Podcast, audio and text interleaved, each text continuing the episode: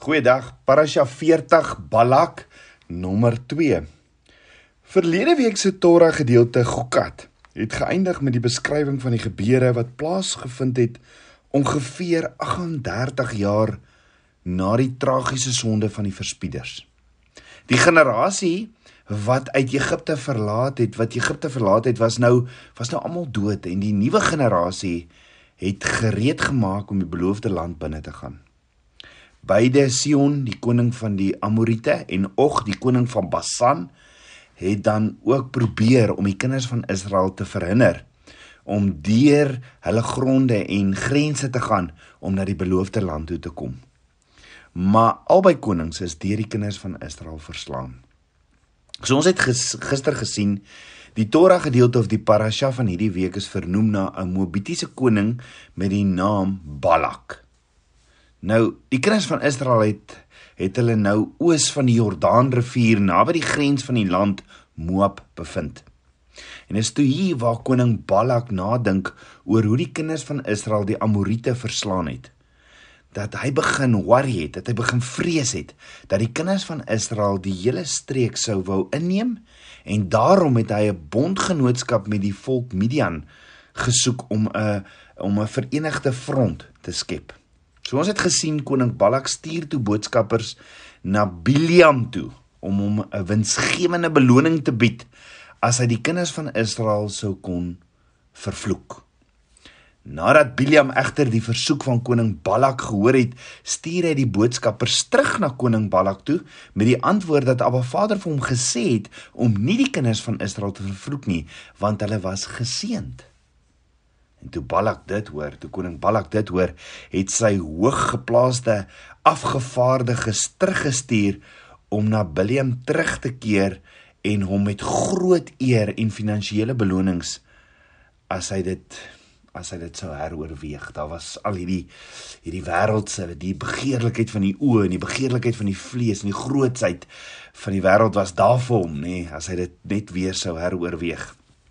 En ons het egter gister gesien Abba Vader is 'n God wat nie verander nie en hy het dit baie duidelik gemaak dat Biliam nie moet gaan nie. So hoekom sê Biliam vir die manne van Balak om dan nou te oornag daar by hom? Maar ons sien in Numeri 22 vers 20 staan en Abba Vader het in die nag na Biliam gekom en aan hom gesê: "As die manne gekom het om jou te roep, staan dan op, gaan met hulle saam, maar net wat ek jou sê, dit moet jy doen." Vreemd is dit nie? Eers het Abba Vader gesê moenie gaan nie en dan sê Abba Vader gaan. So die vraag is wie spreek Abba Vader homself?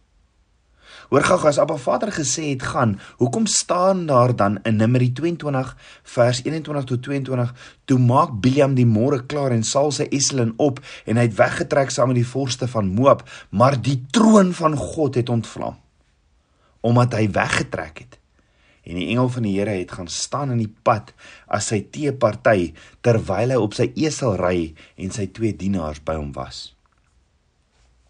Maar Vader het reeds nee gesê Biliam. Biliam kom terug vir nog 'n nee. Hy gaan vra weer vir Abba Vader na die eerste keer wat Abba Vader sê nee. En so sou hy vir Abba Vader die heeltyd gevra het sou Willem nie dan maar net weer en weer en weer teruggekom het dat Abba Vader gesê het gaan as jy wil gaan nie. Ek wil voorstel Abba ken die intensie van die hart.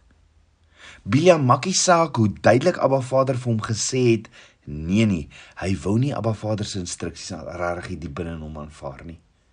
En die vraag is Tabernakels kind van Abba, wat doen jy met die waarheid wat Abba Vader vir jou gee? Of hoekom vra as jy in elk geval nie vir Abba Vader gaan luister nie. Hoekom vir Abba Vader sy waarheid vra as jy in elk geval nie gaan luister nie? So dink daaroor. As jy Abba Vader was en jy sien Biliam se hart, sou jy nie ook op 'n punt vir Biliam gesê het, hoorie, as jy wil gaan, gaan.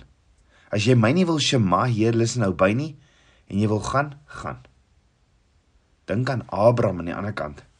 As Abraham nie wou doen wat Abba Vader gesê het om Isak te gaan offer nie, sou Abraham nie gesien het wat se toekomsprentjie, daai hele verlossingsplan Abba Vader al voor die grondlegging van die aarde vir hom, vir my en jou het nie.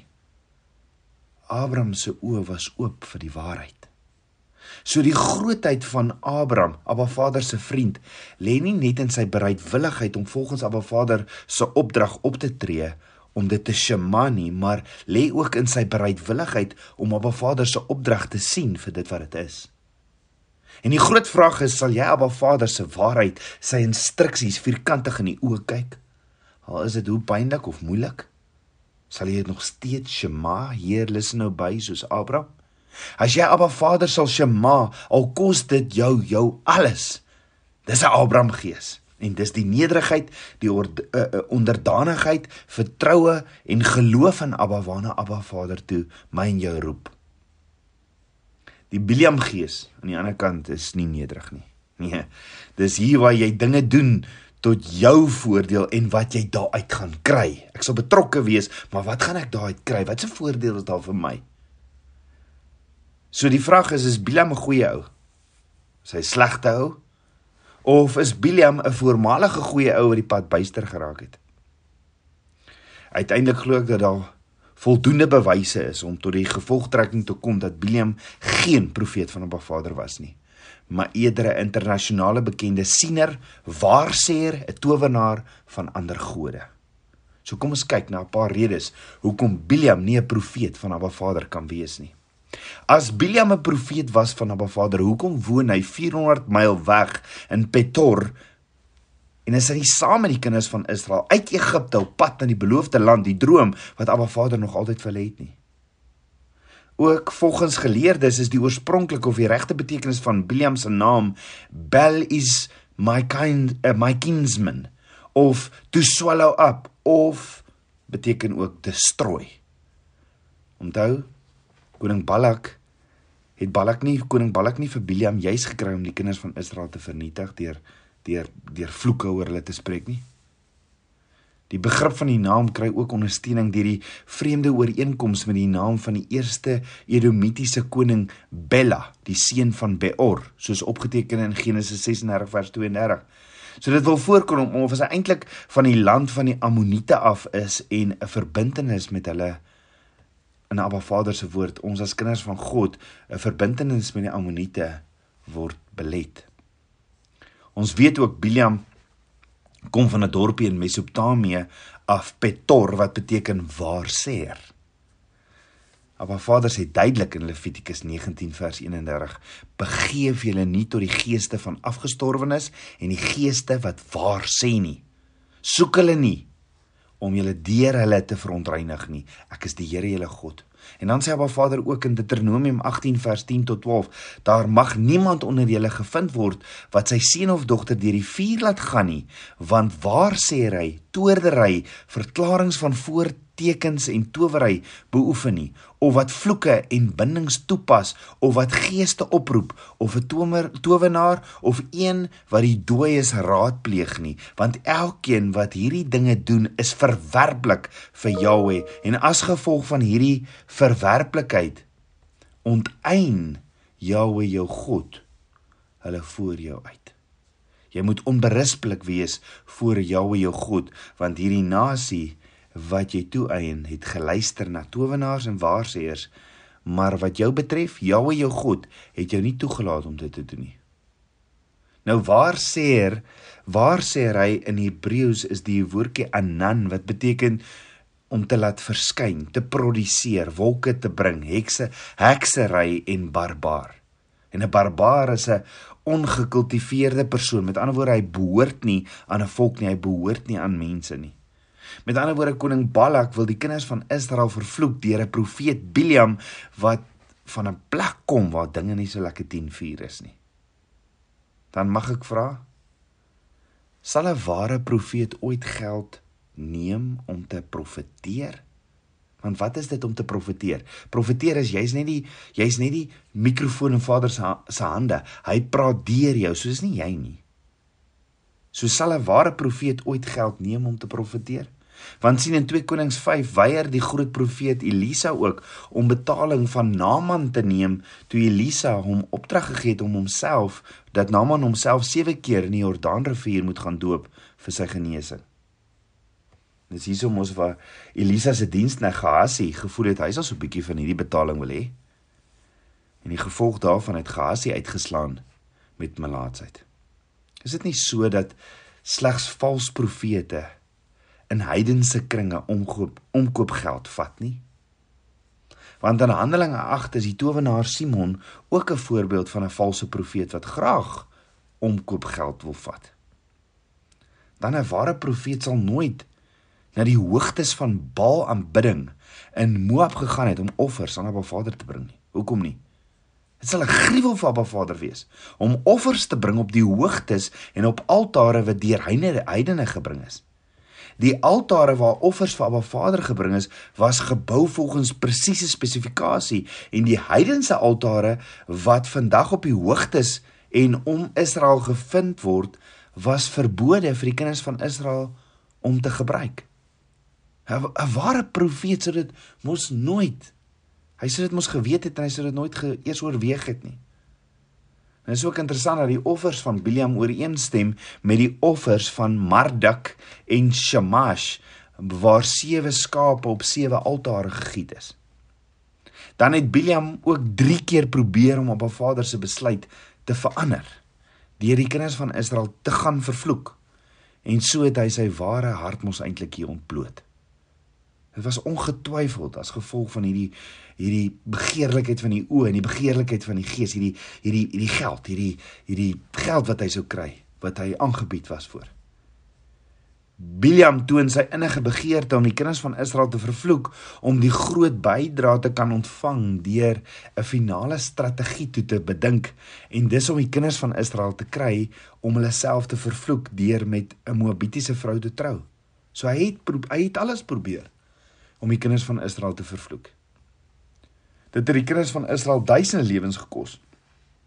Wat veroorsaak is deur die seuns van Israel wat vreemde vroue aangeneem het en die gevolg daarvan was hulle het ander gode aanbid. Hoe's daai vir ek trou iemand en glo ek hoop en hoop hy sal nog 'n kind van Abba Vader word? Nee. Tabernakels kind nee. Hulle verander jou en trek jou weg van Abba Vader af. Hoor gou Biliam sê in Numeri 22 vers 18: Al gee Balak my sy huis vol silwer en goud, ek kan die bevel van die Here my God nie onttree. Ag ek kan die bevel van my God nie oortree om klein of groot te doen nie. Ja, dis nou lekker daai in Biliam. Hoor wie wat sê Biliam? Al gee Balak my sy huis vol silwer en goud. Huh, ek kan die bevel van die Here my God nie oortree om my klein of groot te doen. Met ander woorde, Bleem sê, "Abba Vader is sy God, maar hy's besig met waarsêery." As waarsêery sou hy dit sê vir elke god wat hy betower het. En Openbaring 2 vers 14 sê, "Maar ek het enkele dinge teen jou dat jy daar mense het wat vashou aan die leer van Biliam wat Balak geleer het om 'n struikelblok voor die kinders van Israel te werp, naamlik om afgodsoffers te eet en te horeer." Met ander woorde, Biliam het geleer om afgodsoffers te eet en om seksuele onsedelikheid te pleeg. Biliam kon hoegenaamd nie 'n profeet van Abba Vader wees nie. Johannes maak dit baie baie duidelik onder inspirasie van Ruach, die Heilige Gees, dat Biliam se hoofleerstelling was dat hulle ander gode moes dien deur kultiese prostitusie en diereoffers. So wat is die leer van Biliam dan? Die leer van Biliam is 'n hart 'n hartsbedoeling om mense te laat dwaal met die oog daar daar daarop vir eie gewin. Dan staan daar duidelik in Abba Vader se woord in Joshua 13 vers 22 by hulle dooies het die kinders van Israel ook Biliam die seun van Beor die waarseer met die swaard gedood. 'n waarseer. Ja, 'n waarseer in Hebreëus is die woordjie hakusim, beteken iemand wat die wil van die gode soek in 'n poging om hulle toekomstige optrede of goddelike seën oor die voorgestelde toekomstige optrede te weet en te leer. En in Numeri 22 vers 7 staan ook: "Toe die oudstes van Moab en die oudstes van Midian gegaan met waarseer loon by hulle en by Biliam gekom en hom die woorde van Balak meegedeel. Dis presies dieselfde woorde wat Josua gebruik het om Biliam te beskryf. Hierdie waarseers loon was 'n bekende deel van die proses om 'n siener aan te stel. En die betaling was vir 'n diens van 'n individu wat weet wat besig was om met die gode te kommunikeer. As jy al die bewyse en hierdie gedeeltes bymekaar sit, is dit redelik maklik om tot die gevolgtrekking te kom dat Biliam in werklikheid nie 'n profeet van Abba Vader was nie, maar 'n waarseer. So hoekom het Abba Vader dan met Biliam gepraat en vir hom instruksies gegee oor wat om te sê en nie te sê nie? Dink daaroor. Het Abba Vader nie soortgelyke dialoog ook met Satan in die boek van Job gehad nie? Satan het Abba Vader gevra of hy Job kan vervloek en Abba Vader het hom opdrag gegee om net te doen wat Abba Vader hom toegelaat het om te doen.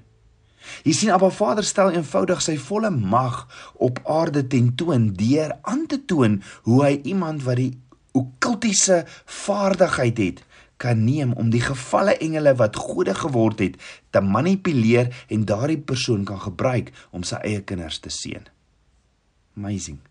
Maar Vader wys dat hy nie soos ander gode is nie. Hy kan nie gemanipuleer word nie. Daar kan dus ook geen twyfel wees dat Biliam se hart was die heeltyd om die kinders van Israel te vervloek want hy het 3 keer probeer en dit het, het gegaan oor wat hy daar uit gaan kry. Gelukkig is hy elke keer deur Abba Vader gestop en het hy toe elke keer 'n seën uitgespreek. Die een wat gewoond was om te manipuleer word toe nou self gemanipuleer. Tabernakels kind van Abba. Abba leer ons in hierdie verhaal dat ons nie mense moet ken of selfs oordeel op wat hulle sê of wat ander oor hulle sê nie. Nee, in plaas daarvan moet ons profete ken aan hulle vrugte. Met ander woorde, stem dit wat gesê word ooreen, dit wat hulle spreek, stem dit ooreen met die waarneembare vrugte wat hulle dra? Dit sal jou vertel wie hulle regtig is en wie hulle regtig dien. En die vraag is, hoe gereeld sien ons nie mense wat beweer hulle dien Abba Vader, maar hy het baie min in die week in hulle leefwyse wat dit vir jou wys of dit bevestig.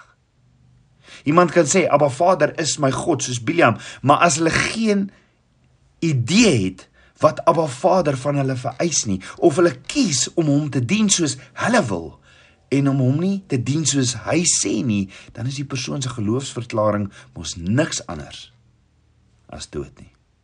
Ja, ons het almal sonde wat die dood verdien. Maar die ware gelowige streef voortdurend daarna om te leer en te doen wat Abba Vader begeer en pas sy lewe voortdurend daarbey aan. Deur Biliam se lewe kan ons sien hoe vals profete ons ook vandag nog maklik kan kom mislei. Daarom moet ons Abba Vader se woord ken en hom ken in alles. Kom ons bid saam. Abba Vader, skepper van my hart. Abba, ek loof en ek prys U. Vader, vergewe my my ongehoorsaamheid. Vergewe my my die begeerlikheid van die vlees en die begeerlikheid van die oë. Was my met die waterbad van u woord. Maak my wakker vir u woord en kom leef in my. Mag ek u woord net regsny, net u waarheid, Vader. Meer en meer van u Papa God. Vader, ek love u teenwoordigheid. Ek bid dit alles in Yeshua Messie se naam, die seun van Jahweh. Amen. Shalom.